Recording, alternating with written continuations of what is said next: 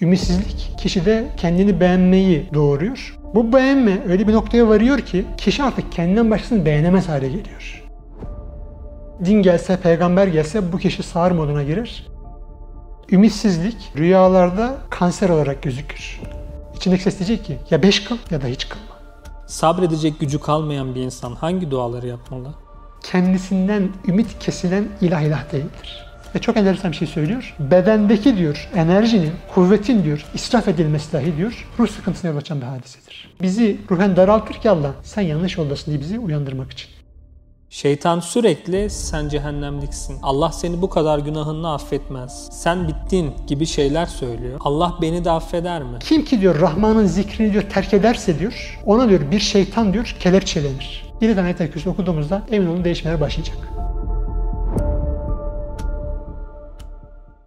Hocam hoş geldiniz. Hoş bulduk. Bugün size toplum hayatının çok önemli bir yerini oluşturan, insanları birçok sıkıntıya götüren konuların temelinde yatan bir meseleyi ele alacağız. Size bazı sorular hazırladık. Sizin de bu konuda bir kitabınız var Ümitsizlik adında. Direkt uzatmadan konuya girmek istiyorum. Sorularla beraber daha çok açacağımızı düşünüyorum. Hocam ümitsiz olduğunu bir insan nasıl anlayabilir? Ümitsizliğin belirtileri nelerdir? Şimdi ümitsizliğin belirtileri olarak çok sayıda şey sayabiliriz. Mesela bir tanesi atalettir. Yani hiçbir şey yapmak istememe. Maddi ve manevi noktada gelişememek. Aynı zamanda yüksek ahlaka kaybedip bencilleşmek. işleri başkasına havale etmek. Neme lazımcılık yapmak. Hatta bir savunma psikolojisiyle kendini beğenme dediğimiz ucu hastalığına yakalanma ve kendini aklama. Daha mükemmelliyetçilik şeklinde bir duruma kayma. Sonra Allah hakkında veyahut da diğer mübarek kişiler hakkında veyahut da dinler hakkında suizanda bulunma. Aklının hakikati göremeyecek bir hale gelmesi gibi çok sayıda belirtileri var. Kişiler üzerine gözükebiliyor. Mesela bunlar işte en çarpıcısı şudur. Ümitsizlik kişide kendini beğenmeyi doğuruyor. Bu bir savunma psikolojisidir. Kişi amel noktasında Allah'ın emirlerini yerine getiremediğinde veyahut da Allah'ın yasakladığı fiilleri yapıp kendini engelleyemediğinde, iradesi bunda zayıfsa işte burada günah psikolojisine girerek Allah'tan koptuğunu düşünüyor. Ve sonra der ki ben o kadar kötü bir insan değilim. Ve kendini bu anda beğenmeye başlar. Ve bu beğenmenin neticesinde şuraya kadar gelebiliyorlar. Eğer ahiret varsa ben orada mükafat görecek bir adamım çünkü ben iyi bir insanım diyorlar. Bu noktada bakıldığında yeis kendini beğenmeyi ve ucub dediğimiz hastalığı doğuruyor. Burada bir savunma psikolojisi olduğunu görüyoruz. Bu beğenme öyle bir noktaya varıyor ki kişi artık kendinden başkasını beğenemez hale geliyor. Ve bu buna hodbinlik adı verilir zaman içinde. Kendinden gayriyi göremez ve kendini bu manada eleştiren kişilere duyamaz hale gelir. Ve bu kendinden başkasını duyamaz hale gelmenin de diğer adı da gururdur. Sağır olur kişi başkalarına kendini mükemmel görür ve artık yeniliklere açık olmaktan çıkar ve gelişemez bu insan gururundan dolayı. Ve din gelse, peygamber gelse bu kişi sağır moduna girer. Bunun en büyük numunesi de böyle Ebu'leheb'tir. Ayet diyor ki ma agna anhu malu ve ma keseb. Ona diyor ne malı ne kazancı diyor fayda vermedi. Onlarla diyor sana karşı müstahni davrandı ama diyor kaybeden oldu. Aslında bunu şöyle anlatabiliriz. Ümitsizlik rüyalarda kanser olarak gözükür. Rüyada kendini kanser olarak gören kişi bilsin ki aslında ümitsizliğe düşmüştür. Kanser tedavisinde erken teşhis çok önemlidir. Çünkü aksi takdirde kanser bütün vücuda yayılır artık tedavisi imkansız hale gelir. İşte bu aynı durum ümitsizlikte de geçerlidir. Ümitsizlik insandaki sayısız manevi problemlerin kaynağını oluşturan kök hastalıktır. O yüzden erken teşhis yapıldığında ve tedavisine başlanırsa diğer problemlerin doğmasını engelleyecek şekilde biz adım atabiliriz. Diğer temel bir belirti mükemmelliyetçiliktir. Bunu şurada görüyoruz. Tevbe eden insanlarda bu daha çok gözüküyor. Çünkü geçmişin yaraları var. Dine yöneldiğinde mükemmeliyetçilik algısıyla şöyle bir algıya kapılıyorlar. Yani yapacaksan tam yap, yapmayacaksan hiç yapma mantığına kapılıyorlar. Bu mantık elbette zaten yaralı bir zamandan yeni çıkmış bir insanın yapacağı işi mükemmel yapması mümkün değil. Bu durumda önce kendini çok zorlayarak aşırıya kaçmaya çalışıyorlar. Sonra da yapamadıkları için de tamamen terk ediyorlar. Burada Peygamber Efendimizin bir hadisi var. Güneş gibi ortalığı aydınlatıyor. O da şudur. Ma la yudrekü küllühü la yutrekü küllü. Bir şey diyor bütün bütün elde edemezsen tamamen terk etme diyor. Yani yaptığın kardır. Hiç namaz kılmayan bir insanın sabah namazını kalarak bir vakti kılıyor olması Efendimiz diyor ki sen bir kıldın ya diyor. Allah razı olsun diyor. Bu bire diyor şükret ayet var. Şükredin artırayım. O zaman kıldığı sabah namazını şükreden kişi Allah'ın izniyle ikinci namazında kalır. İkiye şükreden üçü de kalır. Bir bakmış beş vakte kalacak hale gelir. İçindeki ses diyecek ki ya beş kıl ya da hiç kılma. Bu bir oyundur. Efendimiz diyor ki öyle bir şey yok diyor. Senin yaptığın kardır diyor. İnşallah diyor zaman içinde 5 değil 5'e 5 katacak hale gelirsin. Ama şu an diyor sen daha yenisin diyor. Yeni bir kişiden diyor o 5'te 5'lik eksiklik diyor. Kusursuzluk beklenilmez diyor. Peki hocam daha pratik sorulara geçecek olursak sabredecek gücü kalmayan bir insan hangi duaları yapmalı? Şimdi burada dua formüllerden bir tanesidir ama tek formül değildir. Kur'an-ı Kerim'de çok güzel bir dua var. Bakara suresi 250. ayette ve Araf suresi 126. ayette geçiyor. O da şudur. Rabbena efriyeg aleyna sabren. Rabbimiz diyor üzerimize sabır yağdır. Sabır boşalt diyor yani. Böyle bardaktan boşaltırcasına sabrediyor üzerimize yağdır diyor. Öylesine muhtacız. Bakara suresindeki devamı şu. Fesebbit aktamene diyor. Ayaklarımızı diyor sabit kıl. Fensurna ala kavmil kafirin. Kafirlere karşı diyor. Bize diyor yardımcı ol. Şimdi burada ayaklar kısmı çok önemli. Çünkü insanın sabrının dağıtan unsur aklıdır. Ayaklar da manevi literatürde, sembolizmde akla gelir. Sağ ayak entelektüel akıl, sol ayak ise rasyonel akıldır. Bu akıllar vehimlerle işte veyahut da geçmiş geleceğe dair yanlış algılarla bizim sabrımızı geçmişe geleceğe dağıtır. Biz bu durumda neye benziyoruz? Bir kumandana benziyoruz. Bir düşmanla karşı karşıya olan bir kumandan şu anda ordular yığ karşı karşıya gelmiş. Fakat bu kumandan kalkıyor. Askerlerin bir kısmını sağa geçmiş zamanı, bir kısmını sola gelecek zamana dağıtıyor. Nasıl? Bu hastalık ve bu musibet daha ne kadar devam edecek? Çok sürer mi? Süresi kaldırabilir miyim? Gibi endişelerle sol tarafa asker yığınağına başlıyor. Sağ tarafa da ya diyor daha geçen sene yaşadım bunu. Daha önce yaşadım, daha önce yaşadım. Ne kurtulmaz bir adamsın deyip geçmişe bir kısım üzüntülerinin kaynağı olarak da sabrını dağıttığında oysa musibet bu anda bulunuyor ve o musibet saldırdığında tahammül edemiyor. Aslında bu sabır ordusunu kontrol edemeyen beceriksiz bir kumandanın halidir. Oysa aklı başında bir kişi de şunu der. Allah kimseye kaldıramayacağı yük yüklemediğini Kur'an-ı Kerim'de vaat etmiş. O halde bendeki şu sabır bütün musibetlere karşı kafi gelebilir. Ben stratejimi uygularsam bu anlam meseleye yaklaşırsam Allah'ın izniyle en büyük sıkıntılara katlanabilirim. Eyüp Aleyhisselam'da olduğu gibi. Fakat taktik hatası yaparsam küçücük bir musibet dahi beni devirebilir. Peki hocam. Bana öyle bir şey söyleyin ki tüm ümitsizliklerim bitsin. Şu net olarak söyleyebilirim. Kendisinden ümit kesilen ilah ilah değildir. Hakiki bir ilah merhamet ve şefkatle donanımdır. Kur'an-ı Kerim'e bakıyoruz 114 suresinin bir tanesi hariç ama Kur'an-ı Kerim'in tamamı içinde var. 114 tane Bismillahirrahmanirrahim cümlesi geçiyor. Rahman merhamet eden demek, Rahim şefkat eden demek. Acizlere şefkat edilir, fakirlere merhamet edilir. Rabbül Alemin kendisini böyle tanıtıyor. Hakiki bir ilahı bize bildiriyor. Ben böyleyim diyor. Benden diyor ümit kesmenizin bir mantığı yok. Benim kapılarım açık diyor. Peki hocam Allah neden ruhumun daralmasına izin veriyor?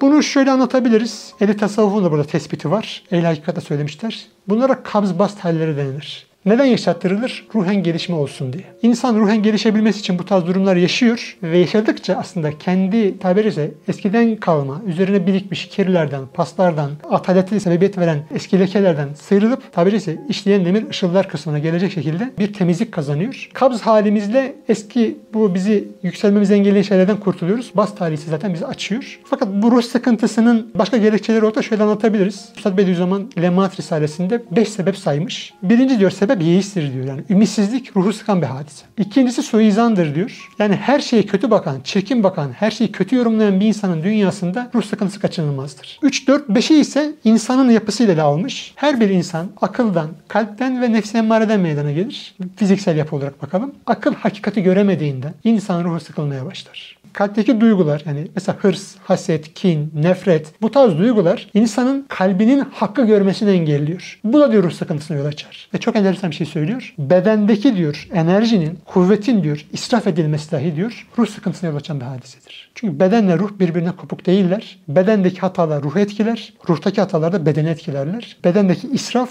ruh sıkıntısına yol açan bir husustur. Beş tane böyle husus vermiş. Fakat temelde bu sıkıntılar evet yanlışımızdan kaynaklanıyor dahi olsa bizi ruhen daraltır ki Allah sen yanlış yoldasın diye bizi uyandırmak için. Eğer ki doğru yolda gidiyorsak gene sıkıntı olabilir. Bu da bizim ruhen gelişimimizi daha da artırmak içindir. Hocam neden tüm musibetler beni buluyor? Allah beni sevmiyor mu diye düşünen bir insana ne söylemek istersin? Yani şunu söyleyebiliriz. Her şey bir kişinin aleyhine dönüyorsa ya bu kişi her şeyi idare edenle zıtlaşmış demektir. Günahlar gibi. Genelde günahlar işlediğimizde her şey aleyhimize dönmeye başlar. Veyahut da her şey bizim aleyhimize dönebilir. Bazen de dünyanın kurulmuş düzeninde insanlar öyle bir düzen kuruyorlar ki hakka ve hakikate aykırı bir düzen kuruyorlar. Sen de hak ve hakikat yolunda gittiğinde peygamberlerde olduğu gibi toplumun her şeyi senin aleyhine dönüyor. Burada kişinin yanlış olduğu anlamına gelmez. Direkt doğru yolda olduğu anlamına gelir. İşte bu manada bakıldığında Yusuf Aleyhisselam misal verirsek ki Yusuf Aleyhisselam ümidin sembolüdür. Kardeşleri saldırır, kuyuya atarlar, köle diye satılır, Mısır'a gider. Evindeki misafir olduğu, kölesi olduğu kadın ona musallat olur. Mağdurdur, hapse atılır, sıkıntı yaşar. Fakat bütün her şey aleyhine dön- dönmüş olmasına rağmen asla ümidini kaybetmiyor. Ve o ümidinin meyvesini de dünyevi açıdan da bir zirve konumu olan bir Mısır'daki Maliye Bakanlığı ile elde ediyor. Bütün kaybettiklerini geri kazanıyor. İşte bu noktadan bakıldığında her şeyin ters gitmesi kötü yolda olduğumuz anlamına gelmez. Fakat biz şunu bilmeliyiz. Ben hak ve hakikat üzere hareket ediyor muyum, etmiyor muyum? Ben bundan eminsem o zaman şunu derim. Dünyadaki insanların kurduğu düzenle ben zıtlaşıyorum. Ben yanlış yolda değilim. Onlar yanlış yoldalar.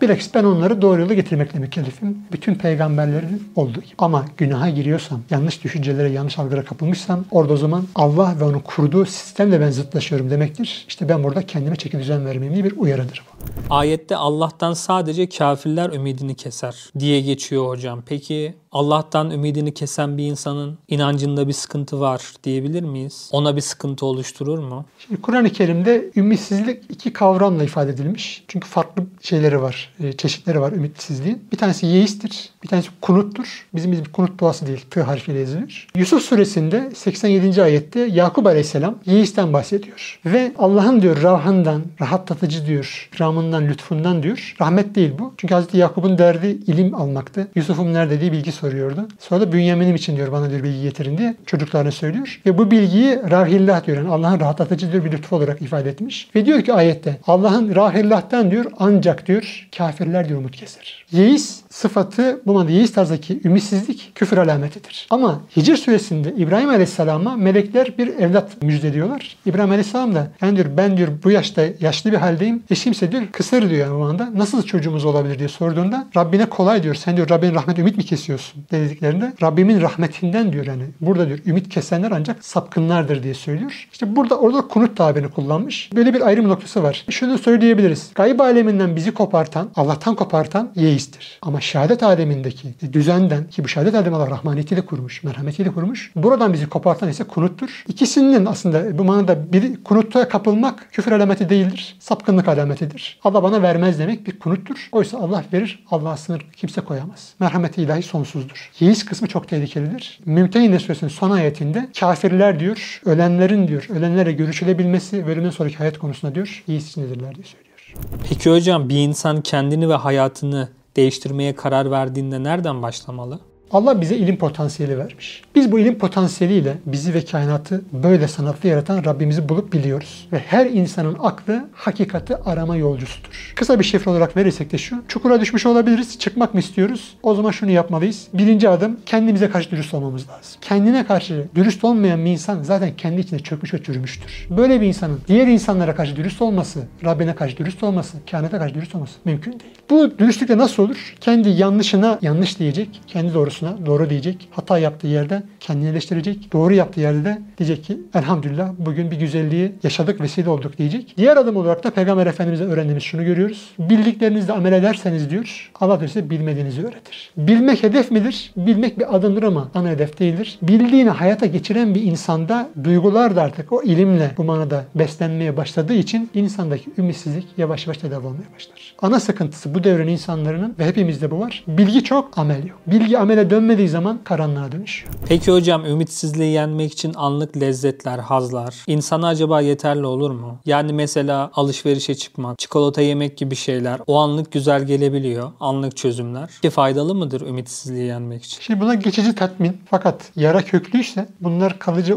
sonuçlar doğurmayacaktır. Fakat mesela burada Peygamber Efendimizin bir hadisi e, çok enteresandır. Seyahat edin sıhhat bulun derken yani seyahat edin de hastalıkların bazılarına kurtulacaksın diye söylüyor. Çünkü insanın bazı psikolojik rahatsızlıkların sebebi aslında belli bir mekana çakılı bir hayatı yaşamasıdır. Bu da kişinin ruhunu daraltan bir hadisedir. İnsan ruhu tabi caizse mekana bağlı kalmaktan memnun olmayan bir yapısı var. İnsan ruhu geçmiş ve geleceğe açılıp yayılmak isteyen bir fıtratta. Böyle bir özelliği olduğu için de maddeye, mekana bağlılık insan ruhunu hasta ediyor. Ve bu hastalıkla ümitsizliğe yol açar. Efendimizin bu hadisi aslında şunu öğretiyor bize. Yani Allah'ın diyor yeryüzü geniş. Gez, dolaş, farklı şeyler gör. Farklı temiz hava al. Değişik insanlarla tanış. Bu manada hatta gittiğin yerlerdeki hayırlı insanlardan dualar al. Bu şekilde sen o bulunduğun kabz edici, daraltıcı ruh hallerinden çıkıp kurtulabilirsin. Hocam şu hadiseyle de çok karşılaşıyoruz. Kardeşimiz, arkadaşımız diyor ki şeytan sürekli sen cehennemliksin. Allah seni bu kadar günahını affetmez. Sen bittin gibi şeyler söylüyor. Bununla nasıl başa çıkabilirim? Allah beni de affeder mi?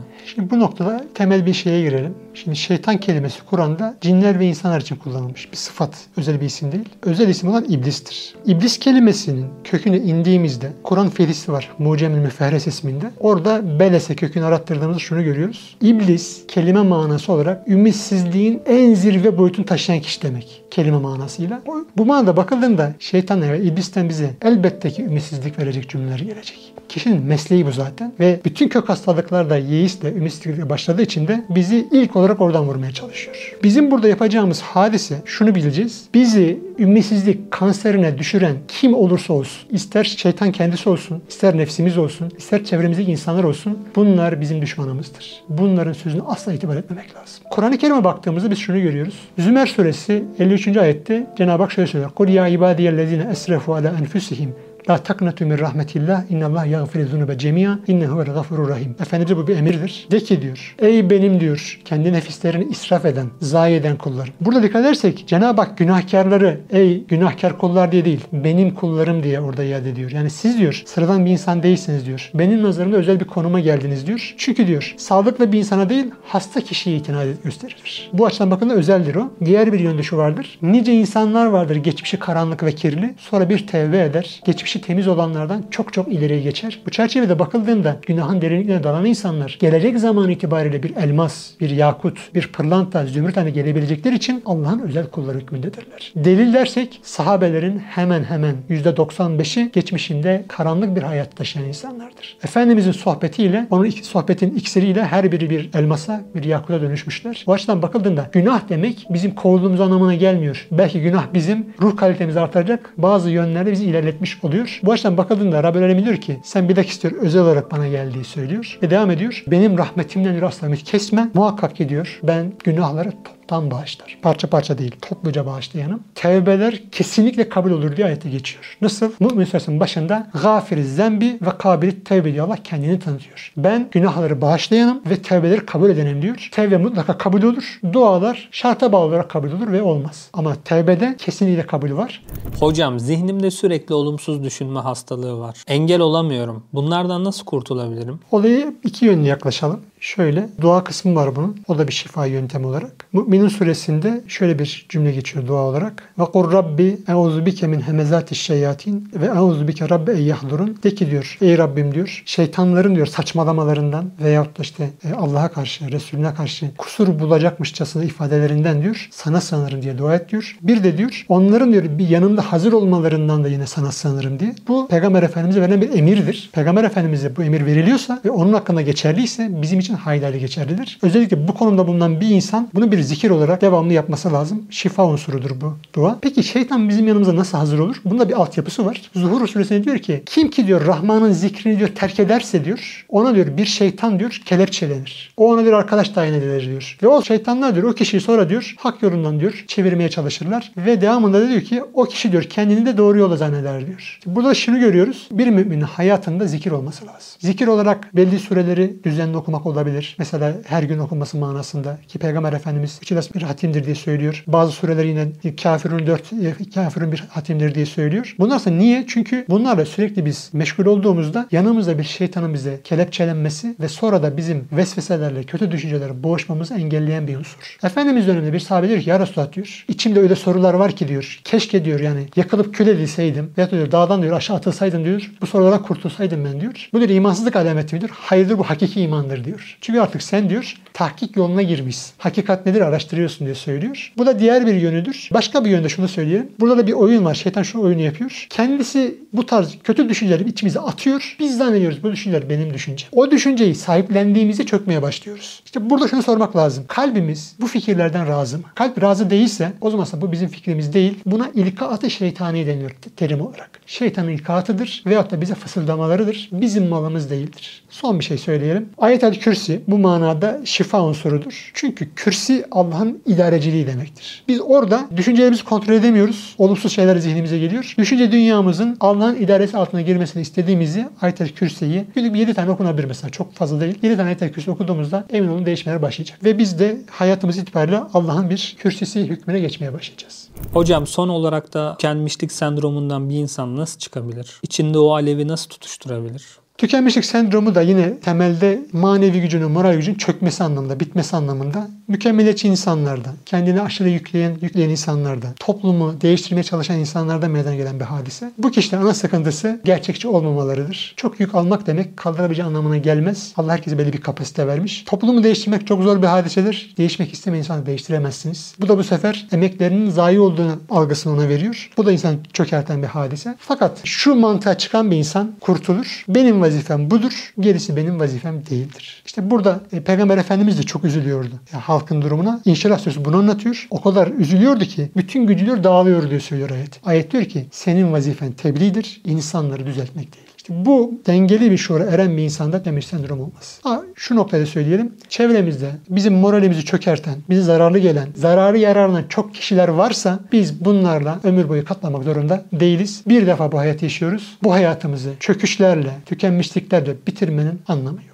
Bu sözlerinizde güzel bir kapanış oldu hocam. Allah razı olsun. Ümitsizlikle ilgili herkesin hayatına bakabilecek soruları size sorduk. Cevaplarınız için Allah razı olsun. Son olarak eklemek istediğiniz bir şey varsa size yönlendireyim. Mehmet Akif Ersoy'un güzel bir şiiri, bir beytiyle söyleyeceğim. Yiğis öyle bir bataklıktır ki düşersen boğulursun. Azmine sarıl bak ne olursun diyor. Bu beyit ömür boyu ebediyemize yetecek şifreler içeriyor. Dikkate almak duası ve temennisiyle. Allah razı olsun hocam. Çok güzel bir kapanış oldu. İnşallah bu video tüm izleyenlere ümit aşılar. Teşekkür ederiz. Osman Sungur Yeke'nin yeni çıkan Hadi İnşallah kitabını Nüve Pazar, DNR ve kitapyurdu.com'dan satın alabilirsiniz.